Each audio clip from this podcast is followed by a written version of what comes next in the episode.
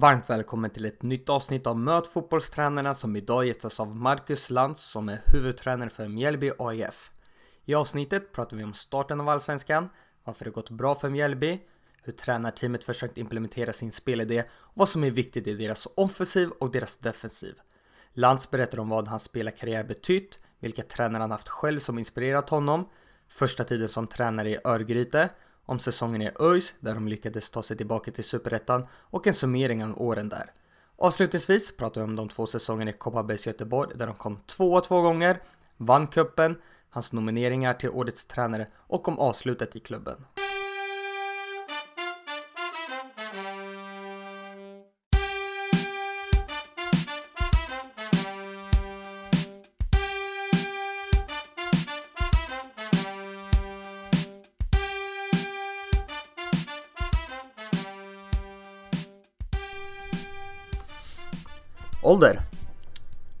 44. Var tvungen att tänka lite. Nej men det är snart 45 så att eh, men 44 låter bättre. Familj? Eh, fru Anna, eh, två barn, eh, en dotter på snart 15, Vilma och en eh, grabb, Freddy, som har fyllt 13. Bor? Göteborg. Bästa spelaren du har tränat?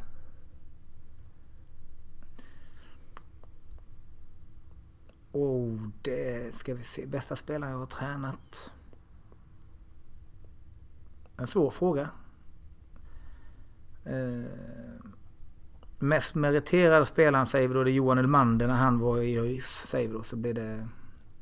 Ja, det blir ett bra svar tror jag. Favoritlag? Eh, Liverpool. Förebild? Förebild. Vad har jag för förebild? Mina föräldrar. Naturgräs eller konstgräs? Eh, naturgräs. Kostym eller träningsoverall på match? Eh, just nu i alla fall eh, träningsoverall. Vad gör du på match då? Så lite som möjligt tänkte jag säga men eh, nej, jag gör väl det som spelarna går och laddar upp och försöker få dagen att gå om det är kvällsmatcher. Ta gärna någon långpromenad i antingen i skogen eller någonstans där man har lite lugn och ro och samla energi inför kvällen. Favoritsyssla utanför fotbollen? Ja men det blir, favorit, det blir att umgås med familjen i och med att jag pendlar mycket till, till Mjällby nu. Så blir det, blir det hänga med, med familj, fru och barn.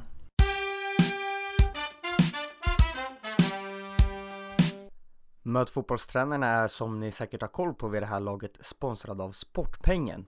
Och nu tänkte jag lämna över till Per Jarldal som är VD på Sportpengen. Tack så mycket Daniel. Tidigare så har ni hört Daniel berätta massa bra saker om Sportpengen. Men jag tänkte istället berätta för er varför jag valde att utveckla Sportpengen. Jag är själv en passionerad fotbollsspelare och entusiast. För några år sedan så började jag spela i ett lag där laget hade stora ekonomiska skulder. Alla var överens om att vi var tvungna att göra något, men ingen var intresserad av att sälja lotter, kakor, strumpor, ja men ni vet det där vanliga. Och det var då jag kom på konceptet och den automatiserade plattformen Sportpengen. Via Sportpengen så lät vi anhöriga och företag stötta laget med valfritt belopp för varje mål vi gjorde. Det blev en tredelad succé. Ekonomin räddades, vi gjorde målrekord och för första gången var vi med i kval uppåt. Och det är just det här som jag tycker är så härligt med Sportpengen. Det engagerar på så många fler sätt. Det uppmuntrar till aktivitet och prestation. Laget får behålla mer av det som samlas in. Och det som stöttar får en naturlig uppföljning på laget. Jag önskar innerligt att lag oavsett nivå, kön och ålder slutar sälja exempelvis kakor och istället uppmuntras att träna, spela matcher och göra mål. Idrotten blir så mycket roligare då. Gå gärna in på sportpengen.se tranare och för det vidare till det lag som du är engagerad i eller brinner för. Var med och gör idrotten roligare för alla.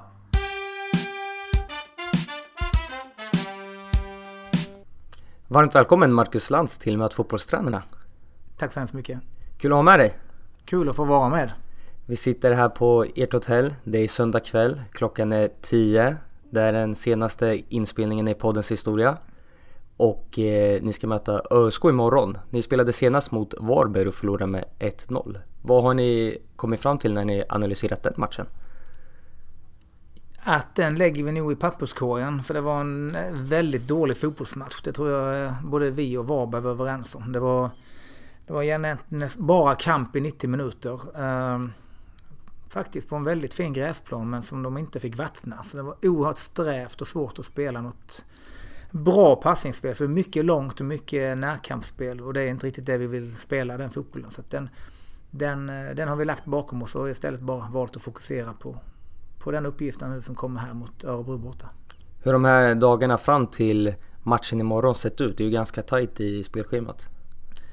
Ja, det blir lite eh, knappt någon träning alls. Det blir återhämtningsträning direkt efter och sen är det en ledig dag och sen är det då träning som idag. Då är det dagen före matchträning där vi gör, inte så mycket tänkte jag säga, vi gör, tränar väl en 70 minuter och sen så har man något taktiskt inslag kanske som man tar med men Nej, det är mycket vila, återhämtning och äta liksom det nu för det kommer tätt med matcher. Så det blir inte mycket organiserad träning. Det taktiska inslaget, hur kan det se ut? Ja, det kan vara någon liten detalj. Vi vet ju hur vi vill spela men det kan vara speciellt om vi sett någon, någon styrka eller kanske någon svaghet i något lag vi möter så kan man ju kanske trycka lite extra på det och, och köra lite, nöta lite detaljer på det. Inför matchen då imorgon mot ÖSK på bortaplan, vad tror du kommer bli viktigt för att eh, ni i Mjällby ska göra en bra prestation?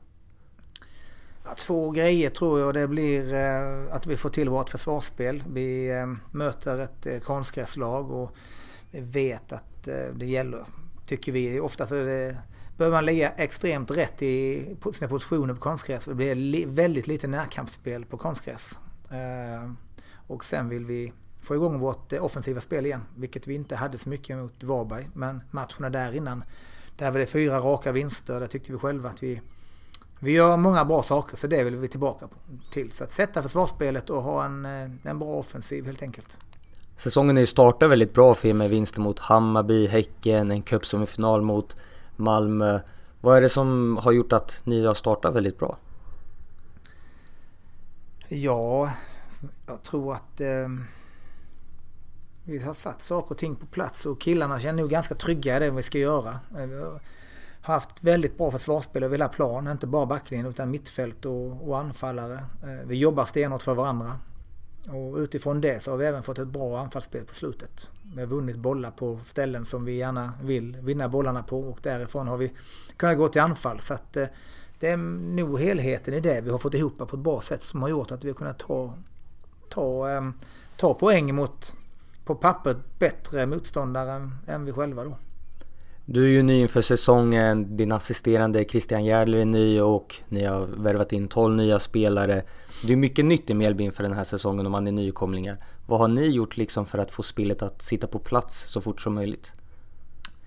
Ja, vi hade ju turen innan allt det här satte igång att vi fick ju 10 dagar i Spanien på träningsläger som vi kunde komma iväg väldigt tidigt. Ehm, och som ny tränare tyckte vi det var ganska skönt att få komma iväg så att vi jobbade väldigt hårt på vårt spelsätt och hur vi skulle vara. Men jag var ganska klar över att jag skulle gå över till trebackslinjen direkt. Om man tror, tänkte sig, det, om Mjällby överhuvudtaget har spelat med trebackslinjen någon gång. Det är, de uppväxta med fyra, fyra där bak då. Så att det, det gick vi över till. Så det jobbade vi väldigt hårt på på träningsläget. Hur vi skulle agera i olika situationer. Så det var tio bra dagar där nere som gjorde att där la vi grunden till det som vi har med oss idag då. Hur snabbt fram kan man gå med taktiska detaljer? Du pratade om att du skulle införa en trebackslinje från den traditionella fyrbackslinjen i Mjällby. Hur, eh, hur snabbt kan man gå fram utan att eh, man eh, går för fort? Ja, men jag, jag vet inte, men man relaterar ofta till sig själv hur mottaglig man är på saker och sådär. Och det är ganska viktigt att man kanske tar i början en två, tre viktiga grejer i det defensiva och så tar man två, tre viktiga grejer i det offensiva. För att eh, trycker man på med en 8-9 grejer offensivt och 8-9 grejer defensivt så det, det, blir kaos i huvudet på spelarna då så att eh, man tar inte in allting. Så det är viktigt att sätta två, tre bra saker från början i det defensiva och sen tar man två, tre bra saker offensivt. Sen bygger man det därifrån så man får en bra grund att stå på. Så att man inte känner att man vill jaga massa grejer som ska sitta med att alla om det nu är 8-10 grejer ska sitta direkt utan man tar och jobbar hårt på vissa grejer eh, ja, i början och sen så bygger man på därifrån. Finns det några speciella saker som du tycker är extra viktiga i er spelidé? Ja, alltså våran spelidé det går ut mycket på att vi, att vi är lojala och jobbar hårt för varandra. Um, sen har ju vissa, vissa spelare har, um, har kanske extremt viktiga roller i våra wing, wingbacks som, som ska vara med och försvara men som också måste orka med och, och anfalla så vi inte kommer för långt ner. Så att, och de har de som har spelat där har ju bara varit, eller varit yttermittfältare i ett 4-4-2 innan. Så det var ju rätt mycket större skillnad i deras arbetssätt som de fick göra då. Så att, de har vi jobbat extra hårt med, men de har tagit in det jättebra. Så att, det har fungerat, fungerat bra helt enkelt. Finns det någon risk med att man kan bli för baktung när man spelar ett 3-5-2? Ja, men så är det ju. Man blir ju mot lag och i början i alla fall har vi valt mot många lag där i början att ligga med fembackslinje till att börja med för att kunna vara ja, bra bakåt och, och se till att sätta ett bra försvarsspel. Eh, men då är det viktigt när man väl vinner boll att, att vi får upp laget och att vi får upp våra wingbacks. Så de måste vara extremt löpstarka och orka det för att annars så blir man för mycket folk hemma. Så att, eh, det har vi lyckats bra med i de flesta matcher tycker jag. Så att, eh, mm, men det är ju risk. Hur hanterar ni de motståndarna skulle spela med två spelare i den yttre korridoren och dubbla mot eran wingback? Eh, ja men då, vi har oftast eh, uppgifter för våra centrala mittfältare. För då har vi tre centrala mittfältare. Då brukar vi ofta se hur att den ena av dem som ligger närmast den wingbacken får ut och hjälpa till och, och, och eh, stötta upp. Vi vill gärna hålla våra tre centrala mittbackar så centralt som möjligt så länge som möjligt. Så att eh, då stöttar vi upp med en eh, central mittfältare istället. Ni är ett av lagen som har släppt in minst mål i hela Allsvenskan. Känns det tryggt hittills med att ta valet att spela trebackslinje? Ja, men jag tror killarna känner sig trygga i det också. Ehm, så att eh, ja, nej men vi... Och det, allting handlar egentligen om hur, vilken start man får och att, man, att det blir ett förtroende i det man gör. Så att eh, nu, nu vann vi gruppspelet med svenska mästarna Djurgården i och gick vidare därifrån och tog oss till en semifinal i cupen. Så vi fick liksom en bra start på detta. Ehm, Vänd på det att man hade fått en lite knackig start och då kanske då blir det lätt kanske att men det man börjar fundera, ja men är trebackslinjen verkligen rätt? Ska inte vi spela med fyra som vi alltid har gjort? Men det gäller att få den starten som vi fick och, och nu tror jag killarna känner sig oerhört trygga i det.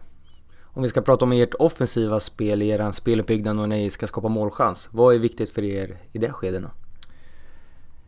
Så vi är väldigt, vi, vi är ganska överens allihopa vad vi tycker vi kan, vad vi tillåter motståndarna ha bollen och var vi vill vinna bollen. Och sen är vi väldigt tydliga med vad gör vi när vi vinner bollen då. Att det ska gå snabbt framåt. Vi vill ha ett snabbt, ett bra omställningsspel. Eh, för då är ofta när man vinner boll så är motståndarna oorganiserade och då är det lättare att själv skapa målchanser. Då.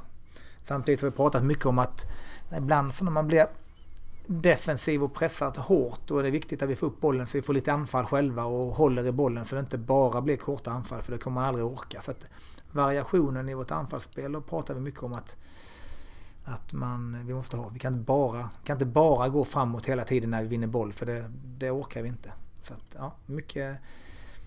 Man pratar ofta om att värdera lägena men det är, vad jag fått lära mig att det, det är inget bra ord för en tränare och sig för spelare värderar situationer olika. Så det kan vara en wingback som värderar en, en situation på ett sätt och en annan wingback värderar det på ett helt annat sätt. Så det gäller att vara tydlig där vad, vad man menar med saker och ting. Så att, och det tycker jag vi har fått, eller tror jag vi har fått fram på ett bra sätt. Vad är det du säger istället då? Ja, men istället vara mer konkret i vad som gäller. Alltså, gör så här i detta läget då. Så att man känner att alla vet att ja, men får han bollen där så då kan man nästan räkna med till 100% att, att han gör det här eller det här då. Och då vet spelarna runt omkring att då ska jag befinna mig på ett visst ställe. Så att, ja, så man inte... Ja, och brukar kunna säga i alla fall i sista tredjedelen så får de, men då är det... Då får man vara lite mer kreativ. Då är, liksom, då är det okej okay att göra vissa saker utanför det här schemat på något sätt. Då får man överraska och vara kreativ. Men annars så är vi ganska tydliga vad vi vill att man ska göra för att vi ska vi ska vara trygga i det vi gör. Tidigare idag så lyssnade jag på Mjällbypodden där du hade gäst och då pratade du om att du gillar att spela med tre centrala mittfältare och två forwards. Kan du berätta lite om dina tankar kring de två delarna? Eh, ja, alltså jag gillar att ha mycket, mycket folk centralt för jag känner att eh, är man stark centralt och får grepp på det så är det, då har det mycket vunnit i matcherna. Eh, och två forwards har vi alltid spelat innan. Det gör vi egentligen inte nu. I vissa matcher gör vi, nu har vi egentligen bara en ren forward och två tior egentligen om vi tittar på det. Så att, Eh, det har varierat lite mer. Så att, eh, men det är också tror jag, ganska bra för vi kan variera vårt spel. Då, ibland passar det bättre att spela med en forward och två tior, Ibland spelar det med två forwards och en tia. Så det, det, det, kan vi variera oss. Så att, eh, men, men eh, ja, mycket folk centralt. Det, det har vi valt att göra. Jag kollade lite statistik inför vårt samtal här och hittade att ni har gjort två mål i första halvlek och sju i andra halvlek i era matcher. Har du någon tanke om vad det beror på? Att ni är extra bra tränade än andra lag eller vad tänker du kring det? Nej, det, alltså, bra tränade är vi men det tror jag inte. Alltså, jag, vad har vi för tanke? Jag tror nog att eh, första halvleken är ganska, brukar vara ganska täta och eh, jag tror fortfarande på något sätt att när när de här lite större lagen möter Mjällby så är man inte, man är inte nöjd med en poäng mot Mjällby utan när det börjar gå matchminut nummer 60 så känner man att ja, men, fan, nu måste vi trycka på för vi, vi, vi kan inte bara ha en poäng mot en nykomling. Och då börjar det öppna upp sig och det ligger vi och väntar lite på. Det öppnar upp sig ytor och då har vi slagit till och fått mer ytor att spela på och kunnat gå till attack när de har blottat sig lite bakåt. Så det tror jag kan vara en, en, en sak i det hela. Ni har också fått näst flest hörner i Allsvenskan. Är det någonting ni tränar extra på för att utnyttja? Eh, lite grann gör vi inte jättemycket. Vi tycker själva att vi har ett bra, bra huvudspelare. Och vi har bra spelare men som kan slå in bollarna med bra precision. Så att det är ett vapen, absolut. Vi har gjort lite mål på hörnor. Så att, eh, eh, det är inget vi lägger i, alltså, extremt mycket tid på. Men såklart att eh, har man mycket hörnor och vi har så pass bra folk och, som kan komma upp på hörnor och, och så pass bra eh, fötter som slår in dem. Så det är klart att det är ett litet vapen. Vad skulle du säga är din eh, fotbollsfilosofi och den fotbollen som du vill stå för? Ja, alltså den har... För mig är det... Alltså, det har ändrats lite med tanke på vilket lag man har på något sätt men... Eh, egentligen är det och En... Eh, en possession, en effektiv possession om man säger possession kan man spela och det är upp till alla hur man vill spela den men du kan hålla bollen i laget i tio minuter men för mig är var, var, var, var har man bollen liksom? Att vi vill ha ett kreativt offensivt spel egentligen. Och sen när vi tappar bollen så vill vi gärna jobba med direkt återerövring, mycket folk runt bollen och försöka få ta tillbaka den så snabbt som möjligt. Eh, det är egentligen det jag står för. Sen har vi nu som nykomlingar får man ha respekt för vilka man möter och acceptera sin roll lite. Så nu har det blivit lite mer att när vi har tappat boll så kanske vi har valt istället att kom hem och kom på rätt sida och börja försvara lite lägre istället. Så det är ju lite annorlunda. Men det är nog vilket lag tränar du och vilka spelare har du att tillgå och vilka är deras styrkor. Så att det är lite, får se lite vilka spelare man har att tillgå och vilka deras styrkor är. Så att man får anpassa sig där. Är det svårt att just hitta den här anpassningen från att här borta är min drömfotboll men jag måste anpassa mig och spela lite mer åt andra hållet. Ja, men någonstans så, så är det... Så ska man ha någon egen idé och du ska tro på den och du ska försöka utföra den så mycket som möjligt. Det, det är min tanke på något sätt. Men samtidigt så är det en, eh, en bransch med, som är resultatbaserad. Så att eh, jag har sagt också när vi möter... När vi kanske möter de här eh, så kallade storlagen på bortaplan. Och, Slänger vi bara ut bollen och säger att nu, nu spelar vi fritt 11 mot 11 här, då, då tror jag vi får större problem än att vi kanske då sänker och spelar mer taktiskt och, och, och jobbar lite tuffare och kanske spelar lite, lite tråkigare emellanåt. Då tror jag att det har gynnat oss på något sätt och, och tar fler poäng. Och, och, och, i slutändan är det det handlar om. I slutändan handlar det för, för Mjällby om att ta de här poängen som gör att man spelar i Allsvenskan 2021 Det kan inte hjälpas att man står efter säsongen och säger att Mjällby var en pigg nykomling som ville spela fotboll så tog man sju poäng och så åker man rätt ut. Det är, ju, det är ingen som tackar en för det på något sätt utan för vår del är det viktigt att, att få ihop de här poängen som gör att vi, vi löser ett kontrakt för nästa år. Jag nämnde det lite tidigare om eran cupsemi där ni tyvärr förlorade på straffar mot Malmö FF. Hur surt var det för din del? Ja men det, alltså det är tvådelat på ett sätt. Det är klart det är surt. Om man kommit så långt eh, som till straffar och en semi så hade det varit jäkligt häftigt. För Mjällby har aldrig varit framme i, aldrig spelat en final. Eh, så det hade varit lite häftigt att få göra det första gången med, med, med Mjällby då. Eh, samtidigt så är det ju väldigt stolt över killarna. Att, lilla Mjällby med den omsättningen ändå kan matcha Malmö FF med de förutsättningarna ändå till 120 minuter straffar. Att vi kan stå upp mot dem och göra det. Eh, det tyckte jag gjorde jäkligt bra och det är jag imponerad av. Sen så i slutändan så vill man ju såklart vinna men ja, Ändå semi och utslagning på straffar. Jag tycker det är en, ändå en, det är en, det är en mer än godkänd prestation för cupen 2020, absolut. Ni har också mött många topplag som vi pratade om tidigare och ni har fått med er många poäng och gjort bra prestationer. Hur hög nivå har ni i er i år? Eh, ja, men vi känner nu, vi spelar med bra självförtroende och vi har fått utdelning på det vi har velat göra och, och gjort det bra. Så att, eh, sen vet vi att vi, vi är nykomling och vi måste göra det här jobbet. Alltså, måste göra det i 30 omgångar i, i 95 minuter. För det går inte att vi fuskar. För att gör vi det så kommer vi få problem. Så att det gäller att orka göra detta jobbet och det vi ska göra i varje match. Eh, då kan vi, kan vi nog nå en bra placering tror jag. För det är bra spelare och ett bra lag. Men eh, mm, det serien är lång och det är många matcher nu och täta matcher. Så att, eh, men som sagt, ingen kan ta ifrån oss de poäng vi har fått hittills. Så att, det är vi nöjda med i alla fall. Innan du blev tränare var du ju själv spelare. Skulle du kunna summera din spelarkarriär? Ja, eh, när började jag spela, om man kallar elitfotboll, började jag göra 94, flyttade till Helsingborg, var 18 år. Så där började jag väl spela elit. Och eh, allsvenskan var det då. Och spelade där till sommaren 99. Då flyttade jag till Italien, till eh, Torino, till Serie A. Ehm, spelade bara två matcher på ett halvår. Eh, och valde därför att lämna till eh, Hansa Rostock i Bundesliga, Tyskland. Var där till sommaren 2005, fem och ett halvt år. Uh, därefter flyttade till Köpenhamn och spelade i Bromby i två år flyttade tillbaks till Helsingborg 2007 och var där till 2010. Och sen så avslutade jag med två år 2011-2012 i Superettan mellan Landskrona Boys då. Så, ja, lite kortfattat så var det så såg det ut. Känner du att du har haft någon fördel att haft en fotbollsproffskarriär bakom dig nu när du har tagit klivet in i tränaryrket? Ja, det är ju ingen nackdel. Jag tror det. Vi många, eller har en del som, som är tränare och som själva spelar på en nivå. Jag tror att, eh, att man har en liten fördel där för man har själv varit och upplevt saker och ting på plan. Så jag, jag tror ibland att det kan vara, kan vara svårt att läsa sig till allting för man måste själv ha varit i vissa situationer för att uppfatta eller uppleva hur det kan vara. Eh, det kan man aldrig läsa sig till utan det måste man få vara med och uppleva. Och det, det har, där känner jag att, att jag, eller vi som har spelat, har en fördel, absolut. Har du haft någon speciell tränare under din karriär som du liksom har tagit inspiration av och som har gjort eh, spännande saker?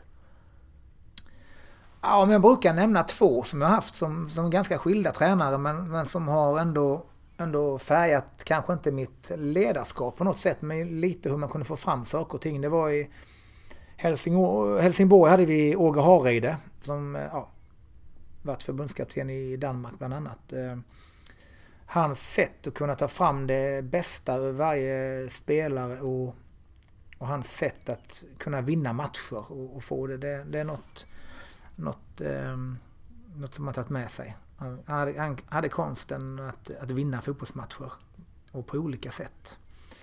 Och sen så fick jag möjligheten att träna ett år i Bröndby under Mikael Laudrup. Och han ja, han tog ju med sin fotboll som han själv hade spelat i Barcelona och Real Madrid. Så hans träningar, eh, jag har nog aldrig varit, det var aldrig en tråkig träning, det är svårt att säga för det, det är inte alla men det var fantastiska träningar att vara ute och träna med det.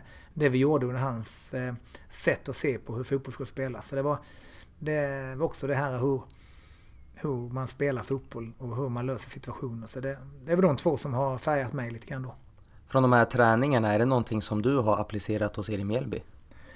Ja, alltså lite grann. Eller lite, kanske inte just övningar rakt av, men tänket och hur man, hur man kan jobba med, med framförallt det offensiva spelet och hur man kan, kan utveckla det. Och, och lite olika så. Så ja, det, det, har man väl tagit med sig vissa delar.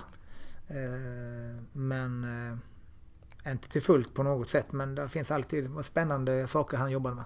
Skulle du kunna ge något konkret exempel?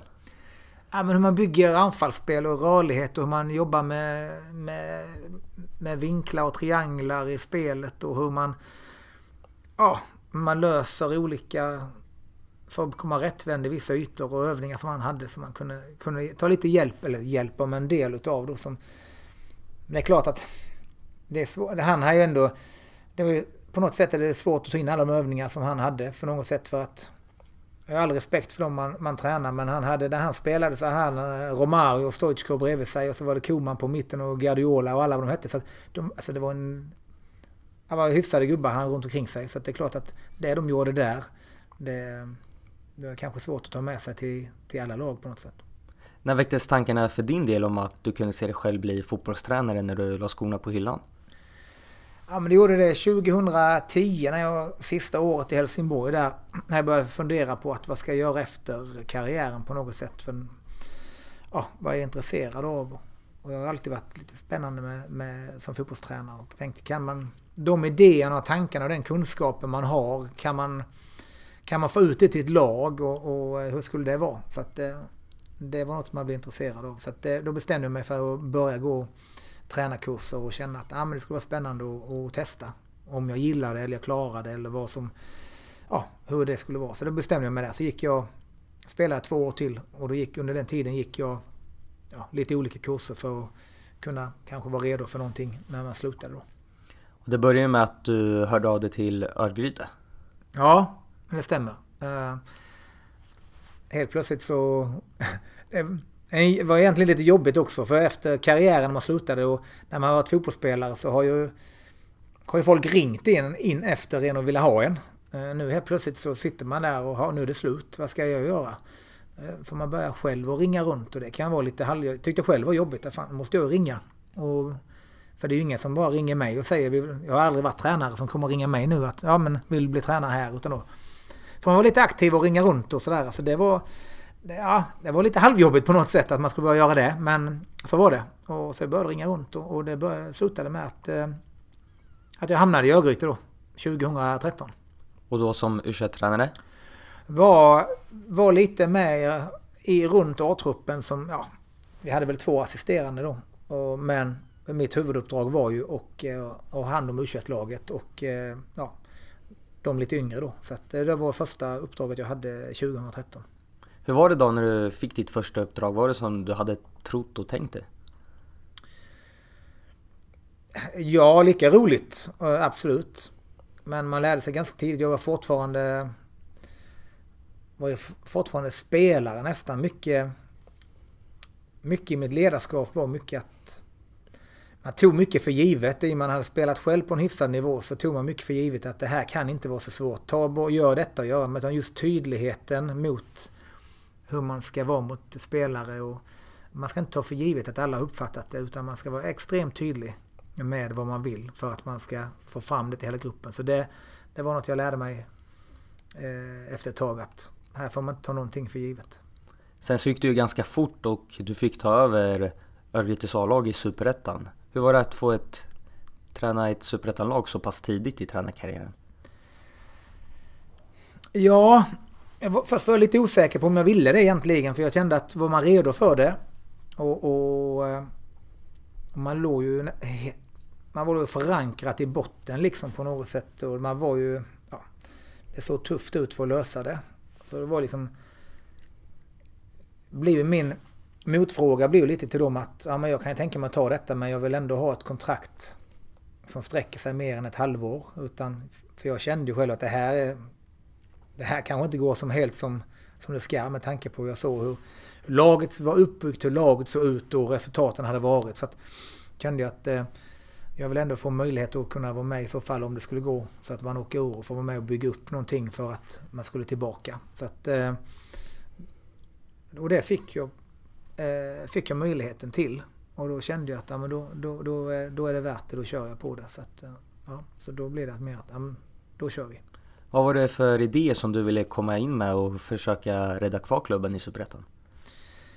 Ja men eh, det, ofta så har man ju någon idé att hur, vilken fotboll man vill spela. Men det är samma där, man var ny i det och, och, och den typen av fotboll kanske jag ville spela. Det, jag hade ju inte jag hade inte format truppen utan jag tog och ville spela en typ av fotboll vilket jag förmodligen inte hade spelare till att göra. Så att, skulle jag göra om det idag så hade jag kanske mer tittat på vad har jag för spelare och typer och vad, ja, spela en annan typ av fotboll för att lösa det uppdraget. Eh, det hade jag nog gjort.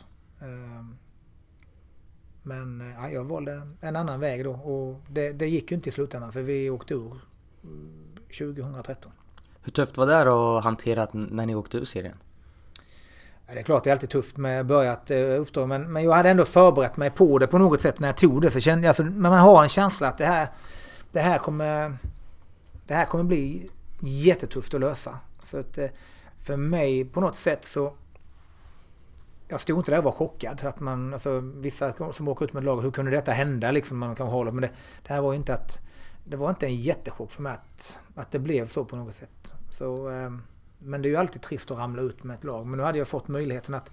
Gör man det så får du möjligheten att, att bygga upp något, något nytt och försöka ta, ta klubben tillbaka till elitfotbollen då. Så att... Eh, ja, det blev mer att man gick igång och liksom började arbeta mot det ganska snabbt och direkt. 2014 så ledde ni ju division 1 ganska så länge men föll på målsnöret. Hur gick tankarna där och då när man inte lyckades ta det här sista klivet eh, när man började förlora under de sista matcherna? Eh, ja, vi, gick, vi åkte ut i kvalet mot eh, Assyriska i två matcher. Så att, eh, såklart svårt att åka, åka ut i ett kval till, eh, till, eh, vad heter det, till Superettan. Samtidigt så jag väl ändå nog att eh, ja men de idéer och tankar jag haft om fotboll, hur jag vill spela fotboll, det har ändå gått ganska snabbt och bra ändå för att vi har ändå tagit oss till toppen. Eh, så att eh, kan vi bara ta in någon spelartyp till som passar in i det här sättet att tänka och så får vi ett år till tillsammans och jobba så, så, så kändes det ändå liksom hoppfullt för att då löser vi det året efter istället. Och det gjorde ni Hur stolt var du då? Ja men det är ju det är alltså kul. Då får man ju liksom det man har jobbat för och det man känner att det här, det här ska man lyckas med på något sätt. Och, och då när det blir... När man lyckas med det så blir det mer... Men lite som man har varit som spelare också. För det är klart att man blir glad men det var lite mer... Man är lite dålig på att njuta. Det blir mer bara check på det. Uppdraget utfört. Nu går vi vidare liksom. Så att, ja, lite dålig på att njuta men samtidigt så kändes det också som att ja men jag löste det som vi skulle och ta tillbaka klubben till elitfotbollen och nu var de tillbaka. Så att då blir det mer att, ja, glad, stolt men mer check på det.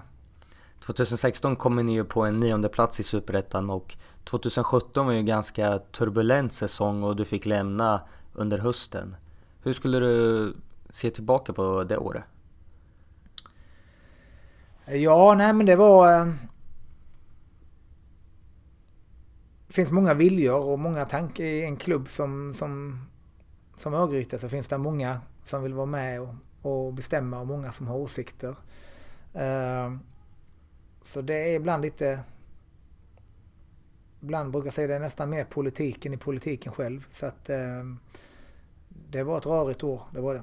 Eh, och det gick fram till hösten och då ska ändå sägas att ehm, då låg vi på en eh, åttonde plats och det är den bästa placeringen Örgryte har haft sedan konkursen 2010. Så, så bra hade man inte legat på på eh, åtta, åtta år eller sju år. Så att, eh, det, jag tror det man behöver inte säga, man, det säger mer om, ja, det säger ganska mycket. Att man ändå liksom, det bästa resultatet man har gjort så långt. Och ändå så fick man lämna så. Ja, så kan det vara ibland. Men man lär sig alltid i fotbollen, så är det. Hur skulle du summera dina år i Örgryte? Ja men eh, för det första väldigt tacksam för att jag fick eh, chansen att börja Örgryte och, och, och, eh, och träna dem. Jätte, väldigt, väldigt bra med, med folk runt omkring i, i klubben. Många som jobbar hårt. Så jag, så jag undrar ju att de kommer tillbaka till högsta, till allsvenskan absolut. Sen lär man sig mycket. Hur, hur spelet fungerar runt omkring och jag tror jag var där i fyra och ett halvt år vi hade tre olika ordförande, vi hade tre, tre eller fyra olika sportchefer. Så att ena, ett, ena året gick man till vänster, nästa året skulle man gå till höger och tredje året gick vi rakt fram. Så att man har lärt sig mycket om hur det fungerar runt omkring. Så att eh, jättenyttigt. Ditt nästa uppdrag var ju att bli huvudtränare för Kopparbergs Göteborg i damallsvenskan. Hur kändes det inför det uppdraget? Ja, det var inte så självklart för att eh, samtidigt när man fick gå från Örgryte så började man fundera på ja, vad är nästa steg för mig? Vill jag göra detta? Och det kom jag fram ganska snabbt till ändå att ah, men det är fotboll jag vill hålla på med. Eh, vilken nivå vill jag hålla på med? För för mig är den, kom jag, jag kom ändå fram till efter Örgryte-tiden att det behöver inte vara allra högsta nivån utan bara jag ser att det finns något någon mening med det. Alltså att det inte är rörigt. Man, får man jobba i lugn och ro och jobba med man ska så är det viktigt för mig att, att eh, då behöver det inte alltid vara det behöver inte vara allsvenskan. Utan det kan vara division 1 kanske. Eller det kunde vara, kan vara ett, U, ett U21 i ett eh, allsvenskt lag eller vad det nu skulle vara. Men känner man bara att det finns något lugn och ro du får jobba med det du ska. Så, så, så var det, det, var viktigt för mig då. Och sen eh, fick jag ett samtal på senhösten av sportchefen i, i Kopparbergs i Göteborg då. Som ringer och mm, nästan ursäktar sig när han ringer och, och, och, ställer frågan. För han menar på då, ja, är du överhuvudtaget intresserad av att träna damfotboll då? Eller hur känner du? Eh, och vi hördes väl två eller tre gånger till efter det. Och när jag för första fick frågan så jag var väldigt osäker på om jag skulle ta det. För jag har aldrig... Jag har tränat med min dotter. Som då var hon 13. Och det är det jag har varit med i, i tjejfotboll på sätt. Så jag var helt grön i det. Ingen aning hur det skulle fungera, hur det skulle vara. Så jag fick ringa, ringa lite samtal för att stämma av med ringde Peter Gerhardsson, bland annat förbundskapten i, i, i svenska landslaget som också hade haft damfotbollen som jag har bra kontakt med då sen hans tid i Häcken. Jag ringde Martin Sjögren som har varit i Linköping och som är förbundskapten i, i, i damlandslaget i Norge nu.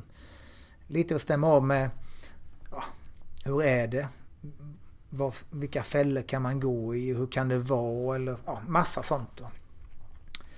Sen så skulle jag själv se få lite videos på Kopparberg. För det här var ett lag ändå som var på väg att ramla ur damallsvenskan.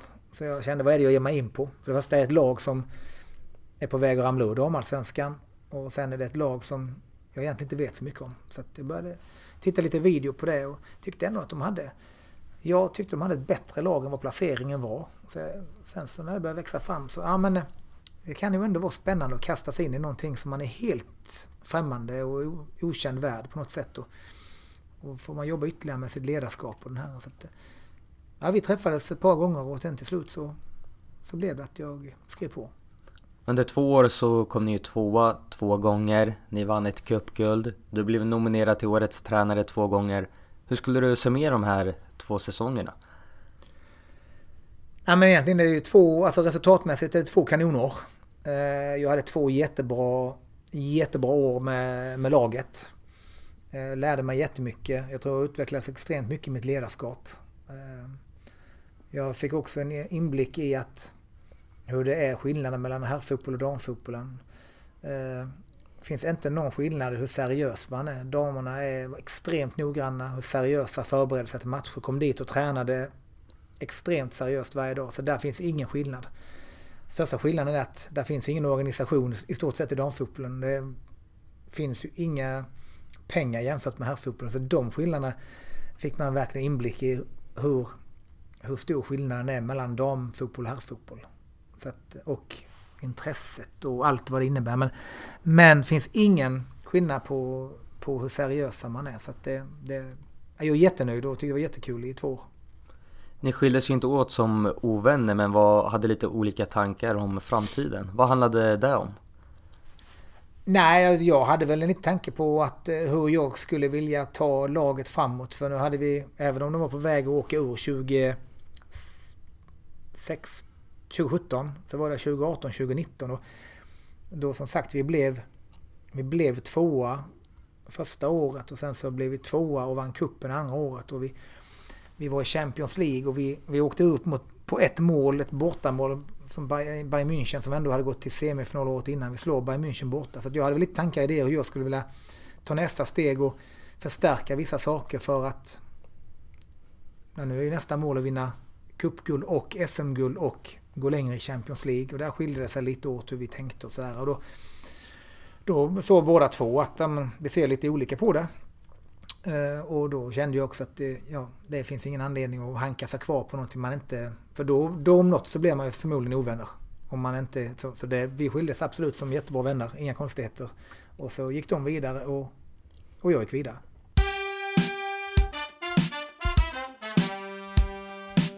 Var det dina främsta styrkor som fotbollstränare? Oh, ja, det kanske inte jag ska svara på. Sen någon annan svarar på kanske vad de ser det. Men, eh, ja, men jag har ett engagemang eh, och brinner för det jag gör. Eh, jag skulle vilja säga och hoppas tro att man uppfattar mig som kunnig. Med tanke på bakgrunden jag haft som spelare och nu ändå, även ja, snart sju år som ledare. Vilket inte är jättemycket men ändå fått med mig mycket. Eh, jag gillar att vara med och utveckla spelare och göra dem bättre. Eh, inte bara vinna fotbollsmatcher utan att se att man kan individuellt utveckla spelarna också. Så att, eh, ja, det tror jag jag själv skulle säga är mina styrkor. Vad är ditt nästa steg som du vill utveckla i ditt tränarskap? Eh, ja, där finns ju mycket. Men... Eh, vad skulle det vilja vara? Det kanske är att man skulle kunna bli... Men sen beror det på om man spelar. Kanske man skulle vilja ha att man skulle kunna variera sitt spel ännu mer taktiskt. Att ibland spelar man trebackslinje men för även nästa match kunna spela fyrbackslinje och göra spelarna ännu mer bekväma i att hantera kanske två, tre olika spelsätt för att förändra det i vissa gånger och sådär och bli, bli ännu tydligare hur man skulle kunna utveckla det. Kanske jag skulle, ja, det skulle kunna vara en grej. Vilken tränare skulle du vilja lyssna på i podden? Eh, José Mourinho. Då får vi se till att lösa det. Ja, låter bra. Stort tack Marcus att du tog dig tid och lycka till imorgon och under resterande del av säsongen. Ja, stort tack för det.